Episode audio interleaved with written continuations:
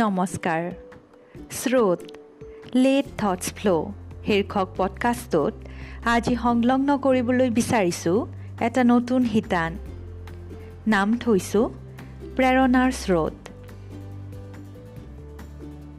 প্ৰেৰণাৰ স্ৰোত শীৰ্ষক শিতানটোৰ প্ৰথম খণ্ডটোলৈ আপোনালোকক আদৰিছোঁ। আপোনালোকৰ ব্যস্ততাপূৰ্ণ জীৱনৰ পৰা অকণমান সময় উলিয়াই এই পডকাষ্টিৰ পদূলিত ভৰি থোৱাৰ বাবে মই আপোনালোকৰ ওচৰত চিৰকৃতজ্ঞ। এই পডকাষ্টটোৱে আপোনালোকক দিব জীৱনটোক অন্য এক দৃষ্টিকোণৰ পৰা চোৱাৰ স্বাধীনতা। ব'লক তেনেহ'লে আৰম্ভ কৰোঁ আজিৰ খণ্ডটো।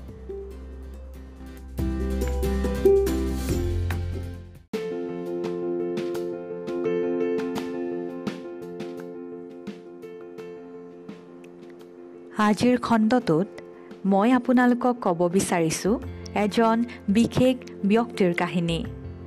তেওঁ হৈছে শ্ৰদ্ধাৰ নবীন চন্দ্ৰ দত্ত ডাঙৰীয়া। তেওঁৰ ঘৰ অসমৰ ঐতিহ্যমণ্ডিত যোৰহাট জিলাত। আশা কৰিছোঁ তেওঁৰ কাহিনী শুনি আপোনালোকে জীয়াই থকাৰ বাবে কিছু প্ৰেৰণা পাব উমান পাব যে কাম কৰাৰ ইচ্ছা শক্তিৰ ওচৰত কেনেকৈ বয়সেও হাৰ মানিবলগীয়া হয়। এদিন সন্ধিয়া এটা শান্ত নিৰিবিলি পৰিৱেশত খোজ কাঢ়ি থাকোঁতে মোৰ চকু পৰিছিল এখন বিশেষ চাইকেলৰ ওপৰত। চাইকেলখন মই এইকাৰণে বিশেষ বুলি কৈছোঁ কাৰণ চাইকেলৰ আগপিনে আৰু পিছপিনে আঁৰি থোৱা আছিল দুটা বাৰ্তা। সেই বাৰ্তা দুটা পঢ়াৰ উদ্দেশ্যে মই চাইকেলখনৰ কাষ চাপিলোঁ।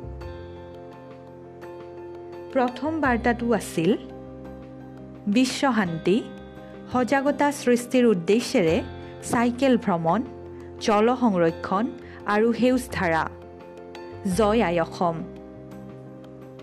চাইকেলৰ পিছপিনে থকা বাৰ্তাটো আছিল স্বচ্ছ ভাৰত সুস্বাস্থ্য আৰু প্ৰদূষণমুক্ত পৰিৱেশৰ বাবে চাইকেল চলাওক। এই বাৰ্তা দুটাই এখন সাধাৰণ চাইকেলক বিশেষ আৰু সুন্দৰ কৰি তুলিছিল। বাৰ্তা দুটা পঢ়ি তাৰ আঁৰৰ ব্যক্তিজনৰ কথা জানিবলৈ মোৰ মনত উৎকণ্ঠা জাগিল।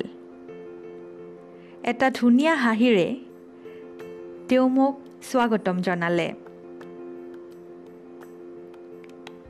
তেওঁৰ লগত কথা পাতি মই গম পালোঁ যে যদিও তেওঁ সত্তৰৰ দেওনা পাৰ কৰিছে তথাপিও তেওঁৰ আছে প্ৰচুৰ মনোবল। তেওঁ ইতিমধ্যে অসমৰ ইমূৰৰ পৰা সিমূৰে চাইকেলেৰে ঘূৰিছে। তেওঁ দিল্লী পৰ্যন্ত ভ্ৰমণ কৰিছে। এইটো ধাৰণা মনলৈ কেনেকৈ আহিল? সোধা মোৰ প্ৰশ্নৰ উত্তৰত তেওঁ ক'লে তেওঁ হেনো নৱম শ্ৰেণীতেই পঢ়িছিল। মৃত্যু কেতিয়াও শেষ লক্ষ্য হ'ব নোৱাৰে। সেয়েহে জীৱনৰ বাকী থকা দিনকেইটা তেওঁ চাইকেল চলাই নৱপ্ৰজন্মক পৰিৱেশ প্ৰদূষণ সেউজ আৰু নিকা ধৰাৰ প্ৰয়োজনীয়তাৰ বিষয়ে সজাগ কৰিবলৈ এই প্ৰচেষ্টা হাতত লৈছে। তেওঁৰ কথাত মই অভিভূত হৈ পৰিলোঁ। আৰু তেওঁৰ ভইচ ক্লিপ এটা আপোনালোকলৈ এইখিনিতে আগবঢ়ালোঁ।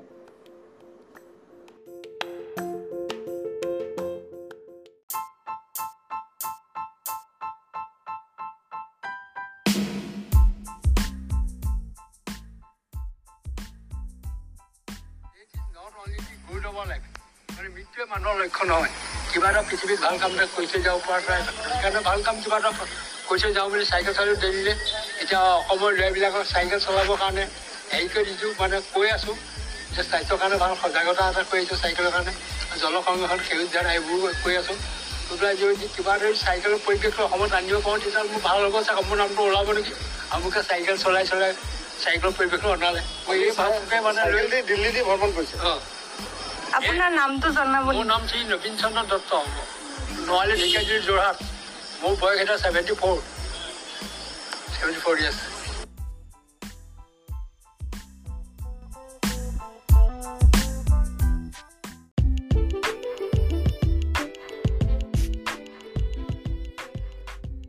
নৱপ্ৰজন্মই যাতে চাইকেল আদৰি লৈ পৰিৱেশ সুৰক্ষাৰ বাবে কাম কৰে সেয়াই তেওঁৰ মনোকামনা আৰু অনুৰোধ।